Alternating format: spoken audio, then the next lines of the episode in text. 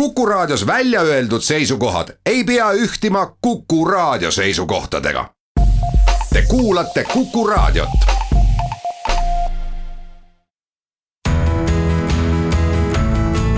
kuku Raadio nädala kommentaar.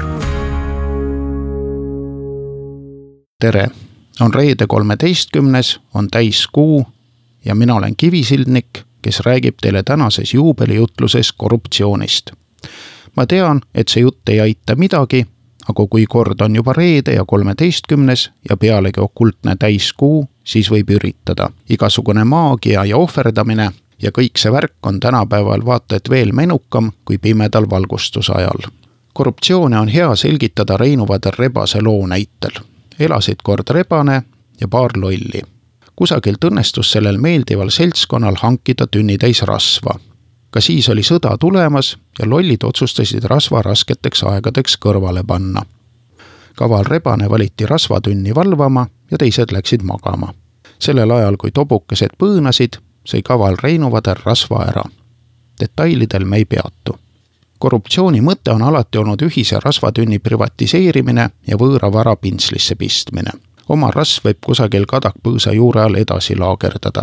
hind ainult tõuseb soovitav on muidugi mõnel magaval kõlu peal lõuad rasvaga kokku määrida ja ta teibaga maha lüüa, kui uuriv ajakirjandus hakkab küsimusi esitama.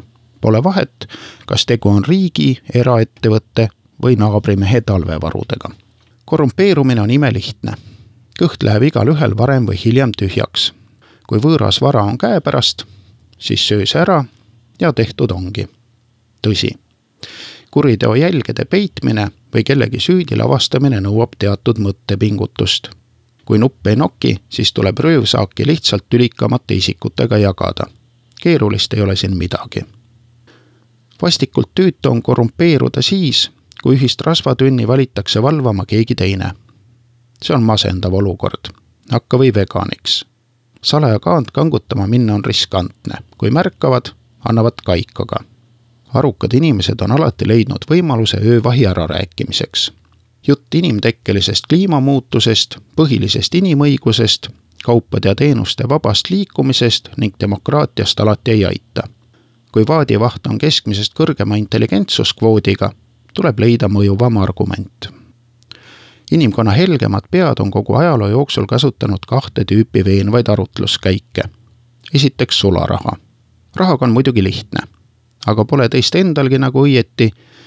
ja kui korra juba maksma hakkad, siis jääb vägisi mulje, et vaadivahi kaubul ei olegi põhja all. ja lõppude lõpuks kaob korruptsiooni mõte üldse ära, kui öövahitasud hakkavad lähenema rasva turuhinnale. kui tõesti mingit varianti ei ole, siis tuleb öövahile maksta, aga see lähenemine on algajatele. profid leiavad võimaluse seksiga tasumiseks.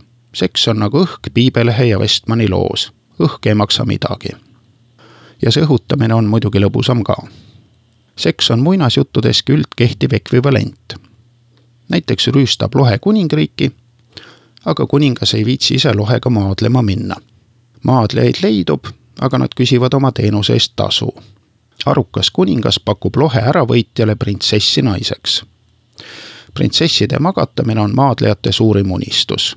kõigi teistega on nad juba hullanud öövahile on hea keegi külaheid kaenlasse sokutada ja ta sel kombel kompromiteerida. hommikul on öövahil valida, kas annab rasvatünni ära või tulevad külamehed hangudega moraali lugema. meie seisukohalt on mõlemad valikud igati rahuldust pakkuvad. kui valibki hangu, võib järgmisel ööl uue öövahiga sedasama trikki korrata muinasjutud pole päris lambist võetud. teada on, et inimesel lülitavad kaks asja terve mõistuse välja. üks on eelpool mainitud sularaha ja teiseks meile filmikunsti vahendusel tuttav seks.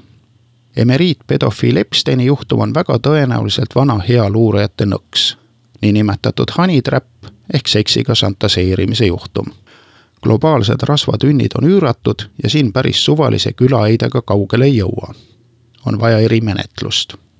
eks seksigagi ole teatavaid probleeme. ühelt poolt on rikastel kõik voodis olemas, nagu maadlejatelgi. siin on vaja leida kättesaamatu printsess. ja kui juba presidendid, peaministrid, filminäitlejad ja pankurid kedagi kätte ei saa, siis on selle kodaniku voodisse lohistamine ilmselgelt raskendatud. igavene nuhtlus on ka liberaalse seksuaalmoraaliga. president Clinton müras Valges Majas suvalise Monikaga, asi tuli avalikuks ja ei midagi. hakkad rasvatünni juttu rääkima, Clinton ainult irvitab vastu. lehelugeja jaoks on Monika tavaline lugu, vaata et igav. Õnneks on pedofiilia veel üks väheseid seksuaaltabusid mis erinevalt laipadest ja loomadest eliidile huvi pakub. tõutraavlitel näib puuduvat mudilastele omane veetlus. Pole siis imestada, et luurajad tänaseid öövahte alaealistega võrgutavad. Pankur või president võid olla, aga lapsi sa ikkagi kätte ei saa. selleks on sul vaja kogenud nuhi abi meile tuttav lõpetamata kõrgharidusega matemaatikaõpetaja leiab lahenduse. võimalik, et tagab ka katuse, kui ilusasti sõna kuulad paljud eliitpedofiilide võrgustikud ja kinni mätsitud paljastused räägivad sellest, et keelatud seks on kõva valuuta. Ehk lühidalt, kogu see maailmapoliitika, äri ja meelelahutus on kõige ilgem pornograafia. eliidi mõistuse väljalülitamiseks on leitud pedaal ja seda vajutatakse nii, et vähe pole. ootame huviga Epsteini kohtuasja uute paberite avalikustamist. kohtunik oli õige paljulubava näoga lihtrahvas muidugi korrumpeeruda ei saa. tal pole võõrast vara, mida lapseohtu seksiorjade vastu vahetada. aga oma eluga peab temagi rahul olema. ja on ka. Lihtrahvale öeldakse, et varsti soojeneb kliima nii ära, et on veel halvem. kliimaagitatsioon teeb sinust päris patuse, kes on ohtlik endale ja kahjulik emakesele loodusele. jälk rõvedus parem oleks sind üldse Rootsi õpetlaste juhiste järgi ära süüa. sinusuguse loodusrüvetaja kõrval on rasvatünni kaanekangutaja peaaegu et ingel.